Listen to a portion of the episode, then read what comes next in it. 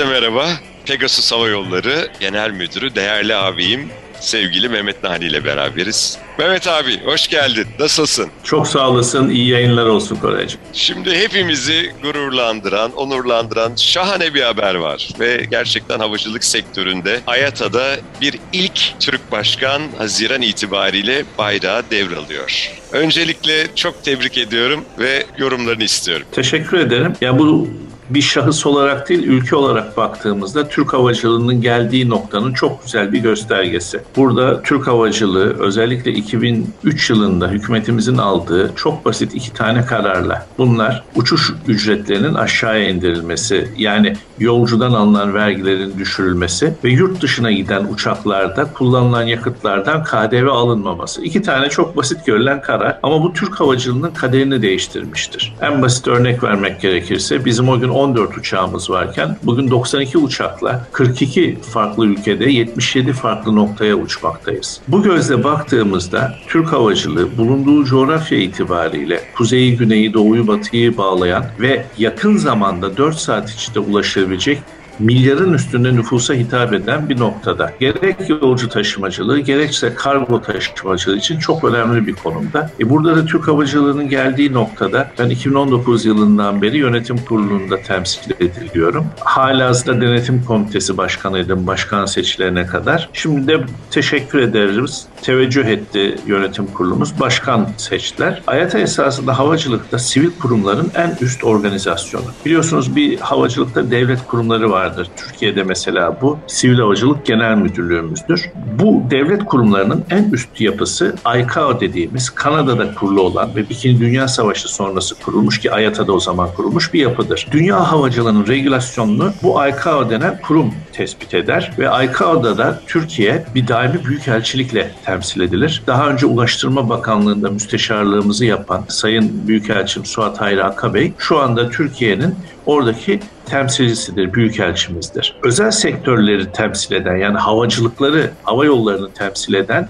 en üst kurumda AYATA'dır. Dünyada 290 tane havacı üyesi vardır ve dünyadaki sivil havacılığın %82'sini temsil eder. Çok büyük bir oran ve rakam bu. Türkiye'de burada etkin olarak görev aldığı için ben de Pegasus Hava Yolları'nı temsilen ilk etapta 2019 yılında yönetim kuruluna seçildim. Yaptığımız faaliyetler ve ortaya koyduğumuz fikirlerle daha sonra denetim komitesine ve fırsat olduğunda da yönetim kuruluna namzet oldum ve yönetim Yönetim Kurulu Başkanlığına seçildim. Bu süreç 3 yıllık bir süreç. Şu anki benim ünvanım seçilmiş başkan. Bir mevcut yönetim kurulu var. Bir de eski başkan diye. Ben şu an icra kuruluna girme hakkını kazandım ve 3 yıl boyunca da icra kurulunda yer alacağım. Bu açıdan da baktığımızda şu an kendimi geliştirme aşamasındayım. Seneye başkanlığı yapacağım.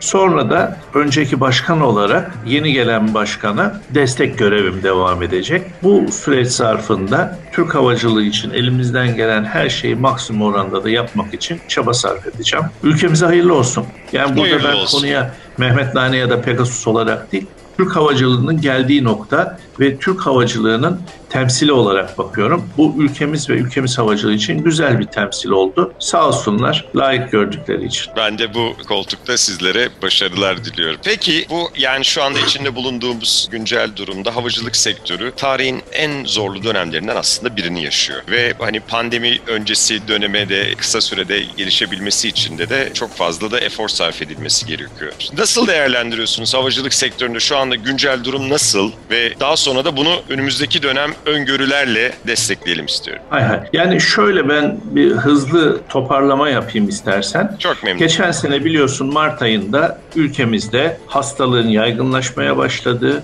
ve bundan dolayı da katı tedbirler alınması gerekliliği konuşuldu. Bu konuşulma neyi getirdi? Bu konuşulma Nisan ve Mayıs aylarında ciddi bir kapanma getirdi.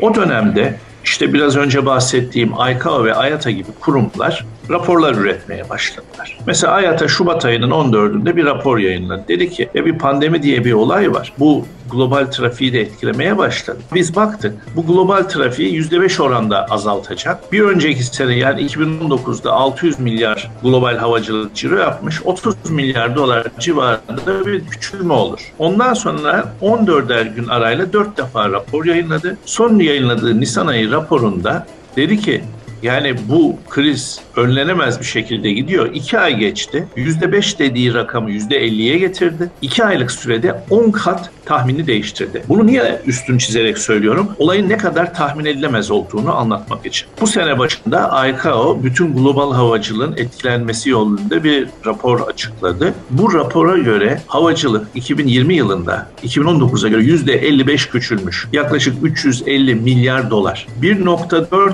milyar daha az uçuş yapılmış. Koray Bilici ile en heyecan verici marka hikayeleri Akbank'ın destekleriyle devam ediyor. Şimdi 2021'e geldiğimizde 2020 yılında biz bütçeyi yaparken çok ümitliydik. Yani artık pandemi geride kaldı, aşılanma hızlı devam ediyor. 2021'de biz yıl içinde olmasa bile yıl sonuna doğru 2019 seviyelerini yakalarız. Ama burada neyi tahmin etmedik? Varyasyonları, mutasyonları tahmin etmedik. Karşımıza bir mutasyon çıktı delta diye. O kadar hızlı yayıldı ki bizim bütün planlar suya düştü. Türkiye Nisan ayını hatırlayalım günlük 60 binin üstünde vakalarla karşılaştı. Hastanelerde yoğun bakım ünitelerimiz doldu ve hastanelerde yer bulunamaz hale gelmeye başladı. E bütün bunların sonucunda 29 Nisan'da katı bir kapanma 17 Mayıs kaydıyla tamamen bir kontrol mekanizması çalıştırdık ve ondan sonra aşağıya hızlı bir şekilde vaka sayılarımızı indirdik. Ama tabii biz bu hızla vaka sayılarımızı indirirken bizi gözlemleyen ve bize turist gönderen ülkeler. Bunların başında gelen ülkelerden bir tanesi Rusya'dır. Rusya 1 Temmuz'da bize pazarlarını açtı. Ne demektir bu? Yılda yaklaşık 10 milyon misafir geliyor Rusya'dan bize. Bu 10 milyonun yarısını kaybettik demek. Çünkü siz Ağustos ayında çıkacağınız tatili Temmuz ayında planlamazsınız. Daha önceden planlarsınız. Tabii ki bu geç açılmanın bize ciddi bir kaybı oldu ülke olarak da şirket olarak bize de tabii ki kayboldu. Aynı şekilde İngiltere'ye baktığımızda İngiltere 26 Eylül'de bizi açtı. Ekim ayında iki haftalık bir tatilleri vardı okulların. O tatilde ciddi iş yapıldı İngiltere pazarında ama bütün yaz ayını kaybetmiş oldu. Bu gözle baktığımızda maalesef bu tahmin edilemeyen delta varyantının sadece bizi değil bütün dünyayı etkilemesinden dolayı 2021 yılı öngördüğümüz kadar iyi bir yıl olmadı. 2020'den daha iyi oldu ama daha da iyi olma potansiyeli vardı. Maalesef bu varyant oyunu bozdu. Biz ülke olarak baktığımızda aşılanma oranlarını %70 seviyelerine getirdik. Bu çok çok iyi. Mesela biz Pegasus'ta ne yaptık? Pegasus'ta bu aşılanmanın ciddi bir sosyal sorumluluk olduğunu düşünerek biz iki boyutta kampanya ve proje geliştirdik. Bunlardan bir tanesi bizim misafirlerimize yönelikti.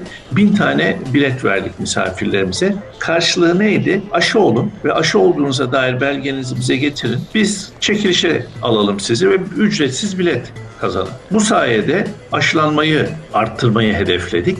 Aynı şeyi şirket içinde de yaptık. 8 hafta süren bir kampanya silsilesi başlattık. Burada da birinci ve ikinci aşı oranlarını arttırmakta hedefimiz. Ve bugün geldiğimizde şirket içinde birinci aşısını olmuş çalışan oranımız %99.1, ikinci aşısını olmuş çalışan sayımız %98.2. Neredeyse %100'e geldik. 40 civarında arkadaşımızın aşı olmadığını görüyoruz ve bunların da sağlıkla ilgili ya da hastalığın 6. ayını doldurmamakla ilgili gibi bir takım makul gerekçeleri var. Bu sayede sayede de biz aşılanmanın ülke için ne kadar önemli olduğunu yaptığımız destek ve şirket içinde de bunu ortaya koyaraktan kampanyalarla gösterdik. Çok çok net evet. Mehmet abi çok uzun yıllardır tanışıyoruz. Yaklaşık siz 2005 yılında Teknosa Genel Müdürlüğü title'ını aldıktan sonra hep yollarımız aslında çakıştı. Beraber işbirliği yapma fırsatı da bulduk. Sonra değişik şirketlerde de üst düzey yöneticilik aldınız. Peki ben çok iyi biliyorum liderlik özelliklerinizi de. Değerli dinleyicilerimiz de Mehmet Nane nasıl bir lider merak ediyorlar. Nasıl bir lidersiniz abi? Yani bunu beraber çalıştığımız ekip arkadaşlarımıza sormak lazım ama ben nasıl bir lider olmaya çalışıyorum bunu ben size paylaşabilirim. Bir kere ben adalet konusunda adalet duygusuna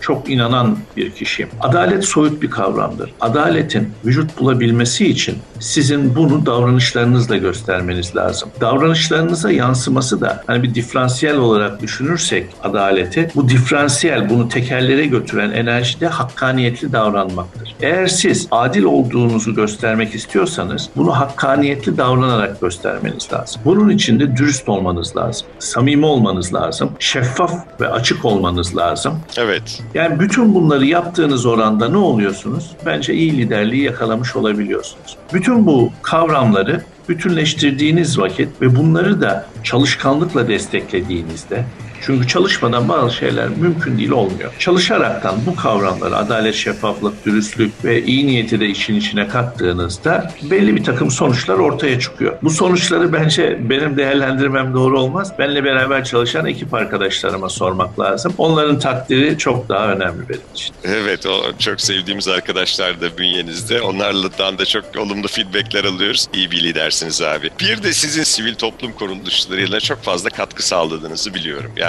burada çok ciddi bir enerji veriyorsunuz, vakit harcıyorsunuz ve belli yerlerden belli yere götürmek istiyorsunuz. İşte yanınızdayız derneği, teknolojide kanı derneğinin kurucu üyesisiniz. Sivil toplum kuruluşları gerçekten şu güncel durumda özellikleri itibariyle çok fazla katkı vermeniz gerektiğini düşünüyorsunuz ve neler yapıyorsunuz? Şöyle bir kere niye sivil toplum kuruluşları onu söylemek isteyeyim. Yani biz sadece iş ev ev iş arası gidersek robottan bir farkımız kalmaz. Zaman içinde elde ettiğimiz birikimleri bunu daha geniş kitlelerle paylaşmak, kullanmak, bu elde edilen bilginin yayılmasını sağlamak için sivil toplum kuruluşları en önemli aracılardır. Benim de iş hayatında 33 yılı geride bıraktığım bir dünyada belli bir takım birikimlerim var. Bu birikimleri toplumla paylaşabilmek için, sektörlerle paylaşabilmek için ama yerel ama global anlamda en önemli paydaş, en önemli aracı mekanizma sivil toplum kuruluşları. Ben de buna inandığım için ilk günden itibaren gerek perakendede olsun, gerek şimdi havacılıkta olsun, gerekse sosyal anlamda Yanınızdayız Derneği bunun en güzel örneklerinden bir tanesidir. Sosyal içerikli konularda sivil toplum kuruluşlarının hem içinde yer alarak hem de kuruluşuna öncülük ederekten destek olmaya çalıştım. Yani bir yerde bu ülkenin, bu toprağın bana verdiğini ben de topluma geri vermeye çalıştım. Burada hakkını yememek lazım. Bu benim şahsi söylemim değildir. Bu topraktan aldığını bu toprağa vermek. Hacı Ömer Sabancı Holding AŞ'nin kurucusu rahmetli Hacı Ömer Sabancı'nın lafıdır. Ve bu Sabancı Vakfı'nın kuruluşunun da temel felsefesini oluşturmuştur. Bu topraktan aldığını bu toprağa vermek. Zaman içinde elde ettiğimiz birikimleri bizim dışımızdaki kişilerle ya da bize ulaşma imkanı olmayan kişilerle sektörün geneliyle paylaşabilmek için sivil toplum kuruluşlarında görev almayı ben bir görev addediyorum kendime ve bundan da çok mutluluk duyuyorum. Çok çok değerli. Bu keyifli sohbet için de çok teşekkür ediyorum. Kendinize çok çok iyi bakın. Tekrar görevinizde de başarılar diliyorum. Ben teşekkür ederim. Sevgiyle kal Koray efendim.